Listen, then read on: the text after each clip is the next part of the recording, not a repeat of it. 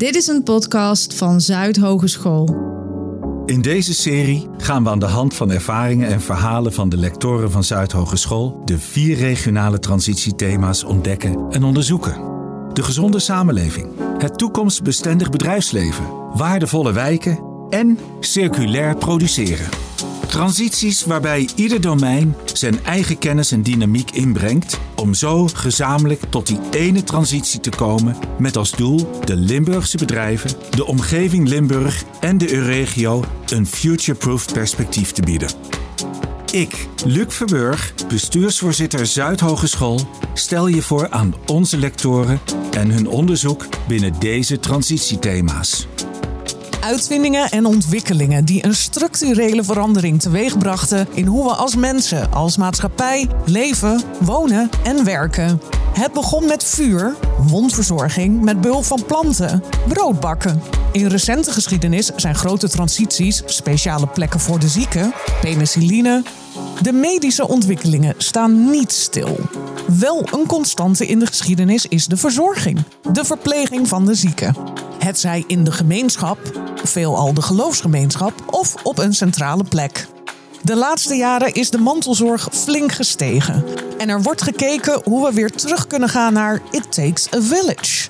Erik van Rossum, lector wijkgerichte zorg aan Zuidhogeschool, richt zich op het goed, veilig en gezond langer thuis kunnen blijven wonen van kwetsbare ouderen. Hoe pakt hij dat aan? Sectorbreed, waar zoveel verschillende factoren een rol spelen. Martijn Zoet van het lectoraat Future Proof Financial gaat met hem in gesprek en hij houdt het dicht bij huis als je naar het lectoraat kijkt. Want ik lees dan inderdaad uh, kwetsbare burgers en chronische zieken, waar je je met name mee bezighoudt, hoe die dan zo lang mogelijk thuis uh, kunnen blijven. Wat, zijn bepaalde projecten die jullie uitvoeren? Nou, waar wij, wij in geïnteresseerd zijn, is van we hebben een heel goed uh, gezondheidszorgsysteem, wat, wat gewoon heel goed in elkaar zit. Op alle indicatoren score was Nederland hartstikke goed in de gezondheidszorg. En tegelijkertijd, als je daar dan, dan nog eens verder op inzoomt, dan zie je dat we een heel ingewikkeld systeem uh, gebouwd hebben met z'n allen. Zowel qua regelgeving, bijvoorbeeld hoe, hoe zitten de verzekeringen nou in elkaar. Maar er zijn ook meer dan 2000 verschillende beroepsbeoefenaren in de gezondheidszorg bijvoorbeeld, die allemaal natuurlijk hartstikke goed hun best doen. Maar daarmee is het ook wel heel ingewikkeld geworden. Met name voor mensen die wat complexere problemen hebben of die wat langduriger afhankelijk zijn van de zorg. En die komen soms in een heel lastig labyrint terecht. En dat zijn de mensen waar wij vooral extra aandacht aan willen besteden. Ja, je noemde al een groep als bijvoorbeeld de kwetsbare ouderen. Wat een belangrijke doelgroep is. Maar je ziet het eigenlijk ook in de jeugdzorg. Je ziet het in de psychiatrie. Je ziet het bijna breed door de hele gezondheidszorg. Dat spanningsveld. Dus wij zitten wat meer op het domein, zoals jij ook schetste, van mensen met langdurige zorgbehoeftes. En we zijn niet zozeer geïnteresseerd in hele geavanceerde oplossingen voor problemen. Want wat je precies ziet, is dat de grootste knelpunten en ook ergernissen van mensen, maar ook van hulpverleners, zitten in bijna alledaagse dingen. Niet goed geïnformeerd worden. Mensen weten niet goed van elkaar wat ze doen. Ze kunnen de weg niet goed vinden in de regelgeving et cetera. Dus wij willen proberen met onze projecten om daar iets in te betekenen. Nou, om daar één concreet voorbeeld van te geven. Nou, je kent misschien Martijn uit je eigen omgeving of uh, uit je kennissenkring mensen met beginnende dementie. Dat is een heel ingewikkeld en ingrijpend uh, proces. Nou, een heel groot gedeelte van mensen met dementie, ongeveer 70%, woont nog thuis. En in de loop van dat proces wordt het vaak wat ingewikkelder om thuis te kunnen blijven wonen. En langzaam maar zeker komen er ook steeds meer mensen die hulp moeten bieden, die ook een rol gaan spelen. dan hebben we het niet alleen over de huisarts, maar de wijkverpleegkundige, de huishoudelijke hulp, soms de fysiotherapeut. Dan hebben we nog familieleden, et cetera. En ze proberen met z'n allen dat netwerk in stand te houden om iemand nog thuis te, te kunnen laten wonen. En tegelijkertijd zagen we dat mensen het best moeilijk vinden om van elkaar te weten wat ze nou doen, wie wanneer nou komt. Terwijl juist voor mensen met dementie is het heel belangrijk om helder te zijn. Dus we hebben een schriftje ontwikkeld, een digitaal schriftje, zal ik maar zeggen, zodat iedereen daarin kan uh, rapporteren, zodat ze uh, daar wat beter zicht op krijgen en mensen ook beter kunnen samenwerken. Als we even teruggaan naar wat je in het begin zei, van hey, wij zitten in, die, in dat transitiethema en we zitten in die transitie. Als ik er gewoon even vanuit, die, vanuit dat perspectief kijk, hè, wat, wat is het transitiethema waar je aan bijdraagt en wat is dan de bijdrage vanuit jouw lectoraat en vanuit jouw onderzoeksgroep? Het transitiethema waar ik zelf het meeste bij betrokken ben, valt onder de koepel de gezonde samenleving waarin we vooral kijken naar het bevorderen van gezondheid, vitaliteit en meedoen van mensen in de maatschappij in de brede zin. Dat is het thema waar ik zelf het meeste aan bijdraag, ook met het lectoraat uh, wijkgerichte zorg. Daarnaast, en daar zoomen wij vanuit ons lectoraat vooral in op het ondersteunen van mensen om zo lang mogelijk thuis te kunnen blijven wonen. Nou ja, en als je daarover nadenkt van wat maakt nou dat mensen thuis kunnen blijven wonen of eerder weer terug kunnen uit het uh, ziekenhuis bijvoorbeeld, dan is natuurlijk ook een belangrijke woonomgeving en leefomgeving van belang. En dat maakt dat ik mij ook verbonden voel en ook bijdraag aan een ander transitiethema, namelijk waardevolle wijken. Maar de, de focus zit vooral bij de gezonde samenleving. En is toch even naar die andere, gewoon om daar even op in te zoomen. Je zegt, ik draag bij aan waardevolle wijken. Waarom wordt er vanuit jullie lectoraat ook aan dat transitiethema bijgedragen? Nou, omdat we het belangrijk vinden dat, dat wat je ziet is dat als mensen in zo goed mogelijke omstandigheden thuis moeten kunnen blijven wonen met soms complexe problematiek, of in ieder geval langdurige problematiek, dan zit de oplossing niet alleen in het zorggedeelte. Dat bijvoorbeeld dat er goede huisartsenzorg is of dat er goede wijkverpleging is.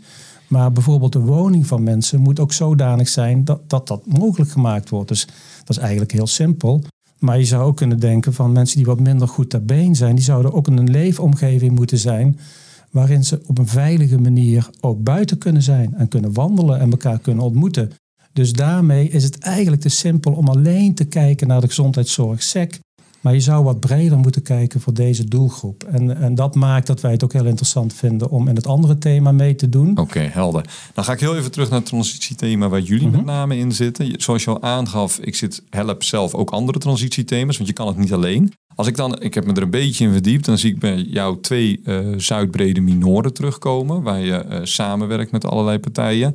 En wat ik ook wel interessant vind, je zegt, nou, ik vind eigenlijk de hele opleidingskolom belangrijk. MBO, HBO, WO. Eerst even algemeen van, hey, kijk, dat transitiethema, wat, wat doe je daarmee binnen Zuid? Wie werk je, met wie werk je binnen Zuid samen en hoe gaat dat? Nou, binnen het transitiethema, uh, de gezonde samenleving, dat wordt voor een belangrijk deel, maar niet alleen, gedragen door de lectoraten die in het domein van Zuidhogeschool zitten rond zorg en welzijn.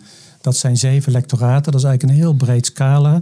Dat gaat van uh, leefstijl en bewegen tot verloskunde, sociaal werk, fysiotherapie en uh, uh, meer de verpleegkundige kant, de wijkgerichte zorg. Maar daaromheen zitten er nog heel veel andere groepen binnen Zuidhogeschool. Want het is natuurlijk ook mooi dat wij zo'n breed concern zijn met een heel opleidings palet dat we ook kunnen samenwerken met heel veel andere groepen. Dus denk aan, wij, wij hebben natuurlijk ook te maken met bijvoorbeeld ICT-uitdagingen in de zorg. Nou, daar hebben we ook een liaison met het lectoraat en de afdeling eh, ICT. Dat geldt ook voor commerciële economie bijvoorbeeld, de kunsten. Dus uh, ja, wij werken eigenlijk met heel veel lectoraten en opleidingen samen binnen dit thema. Het is ook een heel breed thema en dat maakt het ook juist zo goed en mogelijk om die samenwerking op te zoeken. Kun je daar één voorbeeld van geven? Want je noemde al, we zeggen we hebben ICT-uitdagingen en daarom werken we samen met ICT. Zou je ook een voorbeeld kunnen geven van wat, wat brengen de kunst of wat brengt commerciële economie naar jullie transitiethema? Ja, om een voorbeeld te geven van het laatste, van commerciële economie, zijn we bezig met een project dat heet uh, Buurtschakel.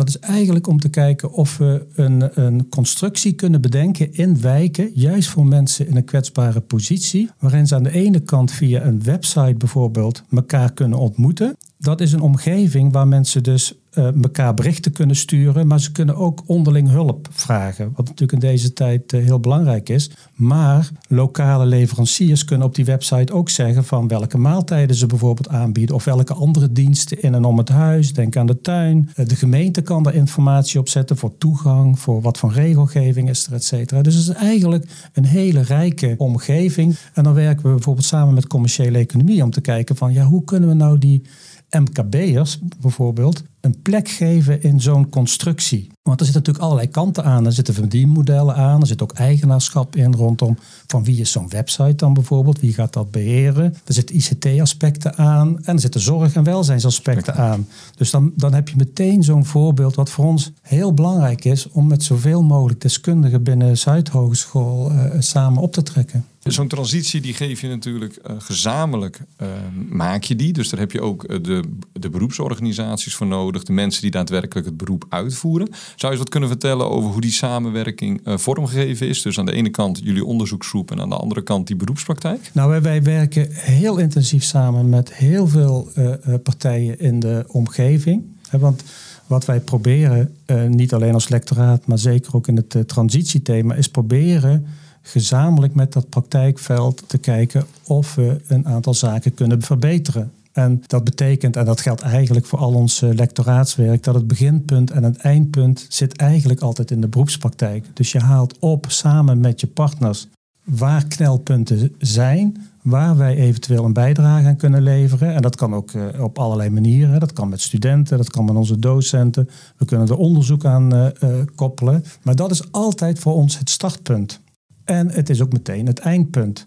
dus je blijft steeds in contact met het praktijkveld. Je kijkt van waar ze behoefte aan hebben. En tegelijkertijd is het een win-win situatie. Want onze studenten kunnen meedoen met het nadenken over oplossingen.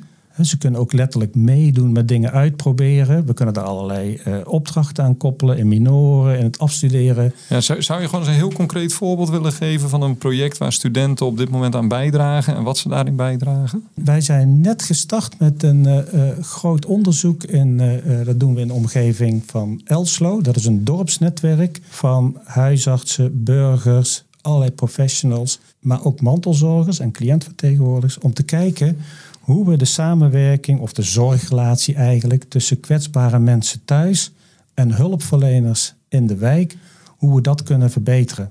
En wat we daarvoor gedaan hebben is, we noemen dat een leergemeenschap. Je zou kunnen zeggen, een groep komt samen om na te denken over waar liggen nou de knelpunten in de relatie tussen de ouderen en de hulpverlener.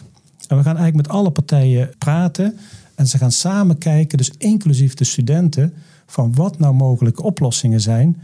En dat gaan we dan weer uitproberen bij diezelfde kwetsbare ouderen. Werkt dat, ja of nee?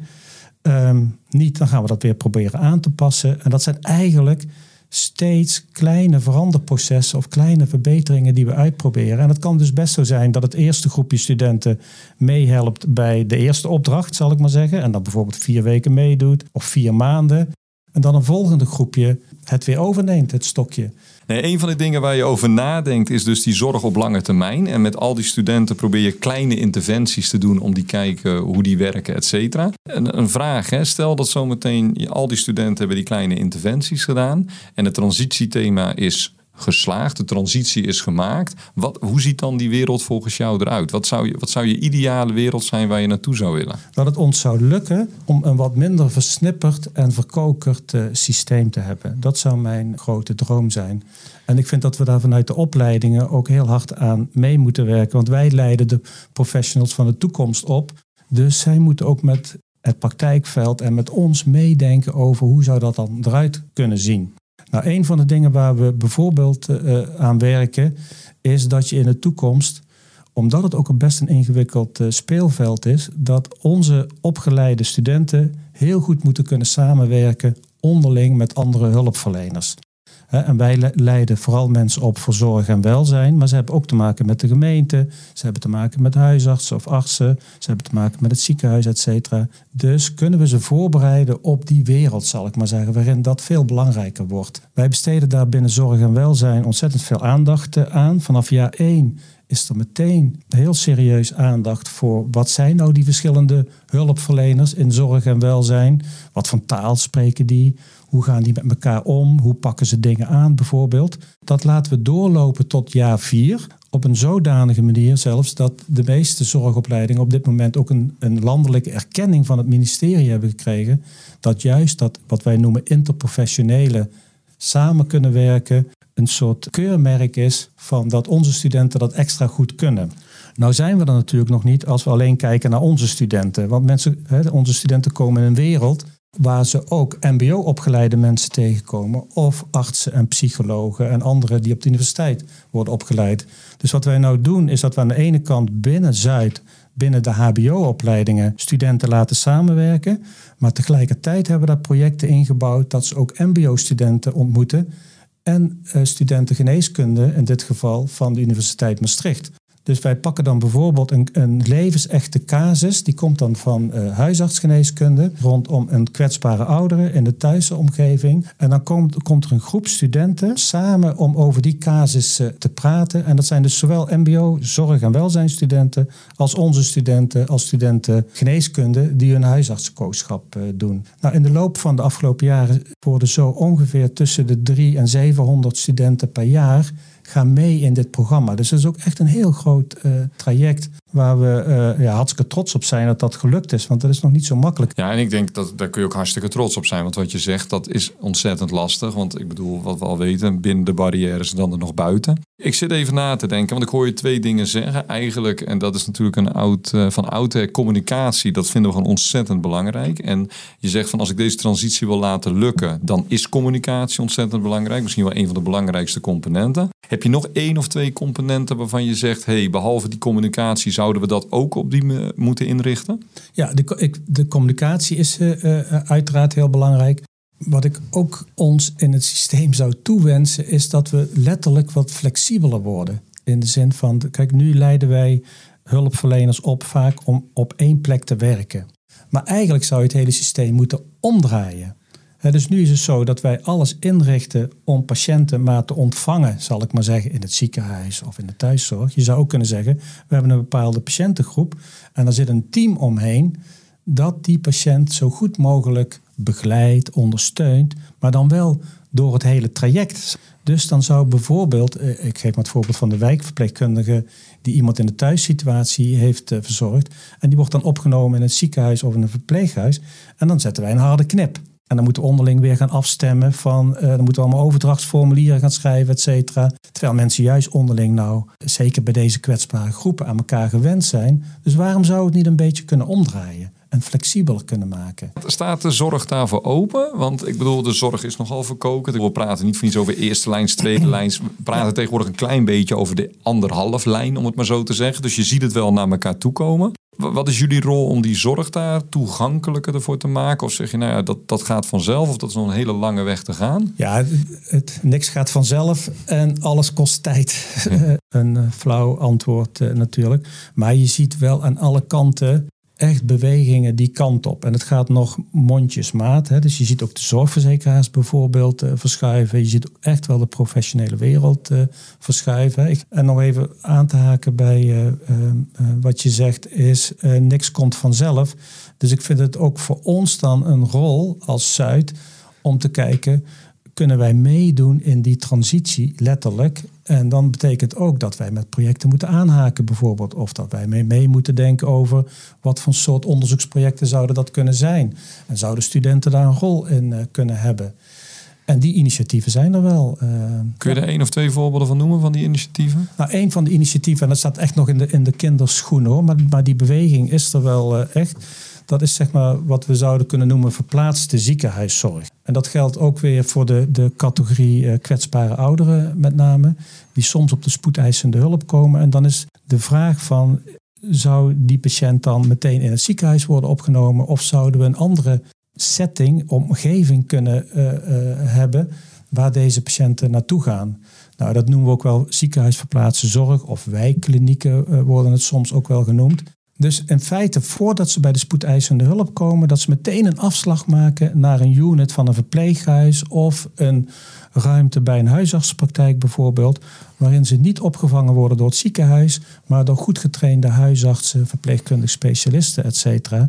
En dat is belangrijk omdat, zeker voor kwetsbare ouderen bijvoorbeeld, is het ziekenhuis best wel een gevaarlijke plek om terecht te komen. Dat klinkt een beetje gek, want je gaat er natu natuurlijk naartoe omdat je hulp nodig hebt. En je ziet nogal eens, zeker bij kwetsbare ouderen, dat ze qua functioneren eigenlijk er niet zo goed uitkomen. Althans, niet zo goed als voordat de ziekenhuisopname uh, nodig was. Dus in die zin kan het bij, bij deze, dit, type patiënten, dat geldt natuurlijk niet voor alle patiënten, maar voor dit type patiënten zou het juist goed zijn om zo'n ziekenhuisopname te vermijden. Erik, weet je, ik, ik zie iemand voor me zitten die praat bevlogen over zijn vak, wat altijd heel erg mooi is. Ik heb ook gezien, hè, je bent echt al een hele tijd bezig. We zien veel publicaties, ook oudere publicaties van rond 1990. Wat is nou zo dat je zeg maar, je zo inzet voor die kwetsbare ouderen, voor met name die kwetsbare groepen die in deze samenleving ook echt hard de hulp nodig hebben? Wat, drijft jou? Ja, ik vind het enorm uitdagend om daar eh, eh, op de een of andere manier een bijdrage aan te kunnen leveren. En ik vind dat er, er is natuurlijk heel veel belangrijk in de gezondheidszorg en dingen. Maar ik ben vooral geïnteresseerd in de mensen die tussen wal en schip dreigen te vallen of die onverhoopt toch in een lastige positie eh, terechtkomen om te kijken of we daar iets extra's in kunnen betekenen. En tegelijkertijd merk je dat die problematiek soms ogenschijnlijk simpel is en soms heel complex is. En dat we steeds weer voor verrassingen komen te staan van wat dan de oplossing zou kunnen zijn. Dus om, om één voorbeeld te geven, eh, je refereerde daar al naar de jaren negentig. Wij, wij zijn begonnen met na te denken over, zou het nou zinvol zijn om heel regelmatig en zeg maar proactief zou je kunnen zeggen, bij oudere mensen thuis op bezoek te kunnen gaan. Met het idee van als we ze nou heel vroeg eh, eh, goed in beeld hebben, dan kunnen we ze, als het nodig is, heel vroegtijdig ook eh, eh, helpen en de goede kant op eh, krijgen. En dan komt het wel goed. En al die studies die we op dat terrein deden, die vielen eigenlijk tegen. Dus wat we ook deden, zal ik maar zeggen, de mensen die bezocht werden, die waren eigenlijk helemaal niet beter af dan mensen die niet bezocht worden. Nou, dat vind ik intrigerende zaken om te kijken en ook door te blijven pakken van wat is dat nou? Ja, maar dat- ik hoor je dingen zeggen. hè. Ik hoor je zeggen, die complexiteit vind ik interessant. Maar dan had je ook raketten kunnen gaan bouwen. Of je had kunnen zeggen, ik ga in de eh, microbiologie zitten. Wat is het nou dat je gezegd hebt, weet je, ik ga die complexe ti- tijd voor die ouderen, voor die ouderen die zich ja, niet kunnen zelf eh, redzaam kunnen zijn. Waarom heb je gekozen voor dit specifieke onderwerp? Ja, ik denk dat ik, dat ik in het algemeen, zal ik maar zeggen, de kwetsbaarheid van het leven interessant vind. En ik vind dat ook interessant aan het begin van het leven, zal ik maar zeggen. En ik vind dat interessant aan het eind van het leven. Ik ben in de wereld aan het eind van het leven eh, eh, terechtgekomen. En dat vond ik vanaf het begin af aan boeiend. En eh, ja, dat is voor mij continu een trigger gebleven, zal ik maar zeggen, om daar eh, actief op te blijven. Ja, dus eigenlijk wat je zegt, het is dat, eh, die, dat er een begin en een einde is. Dat zeg je, dat vind ik interessant. En dan met name als we op ons kwetsbaar zijn, hoe kan ik er dan voor zorgen dat ik een goede bijdrage kan leveren? En of dat dan aan het begin of aan het einde is. Ja, precies. Weet je, Erik, wat ik, wat ik me nog afvraag, hè, er luisteren zometeen een hele hoop mensen naar dit verhaal. En eigenlijk, nou, iedereen kent wel iemand in zijn directe omgeving die te maken heeft met een kwetsbare oudere. Of het nou je opa, je oma of misschien een tante of een oom is. Die mensen die dat nu luisteren, hè, wat, wat zou je die willen meegeven? Wat, wat kun je zelf doen om het daar het leven te gemakken, vergemakkelijken voor die kwetsbare ouderen? Ja, dat is een, dat is een, een ehm, Complexe vraag. Complexe vraag, ja. Dus dat raakt meteen allerlei zaken. Nou ja, kijk, een aantal dingen weten we en dat is niet iedereen gegeven. Dat maakt het meteen ook een beetje complex. Maar we weten wel dat in het algemeen, als je zelf actief blijft en actief in het leven staat, wat dat ook is, hè, met hobby's of werk of bewegen, et cetera. Dat is altijd goed, zal ik maar zeggen. Wat ook belangrijk is, dat, dat mensen blijven investeren in hun netwerk. Dus uiteindelijk komt er een situatie dat je misschien ook afhankelijk wordt van anderen. En dan is het wel heel belangrijk dat er mensen in je omgeving zijn waar je op kunt terugvallen. Maar dat betekent ook dat je daarin moet investeren. Want die mensen zijn er niet zomaar. En misschien een derde, maar dat is een, een, een open deur en een beetje een vage, is, is doe alles met mate, zal ik maar zeggen. Hè. Zoals het om leefstijl gaat, bijvoorbeeld als het gaat om voeding. Geniet er vooral van, maar probeer ook een beetje het met mate te doen. Wijze woorden van Erik van Rossum, lector wijkgerichte zorg aan Zuidhogeschool. Martijn Zoet ging met hem in gesprek. Wil je meer weten over de transitiethema's of over Zuid Hogeschool? Ga dan naar zuid.nl/slash transitie. Zuid schrijf je als Z-U-Y-D. Daar kun je ook alle andere podcastafleveringen vinden en beluisteren. Of beluister ze in je favoriete podcast-app.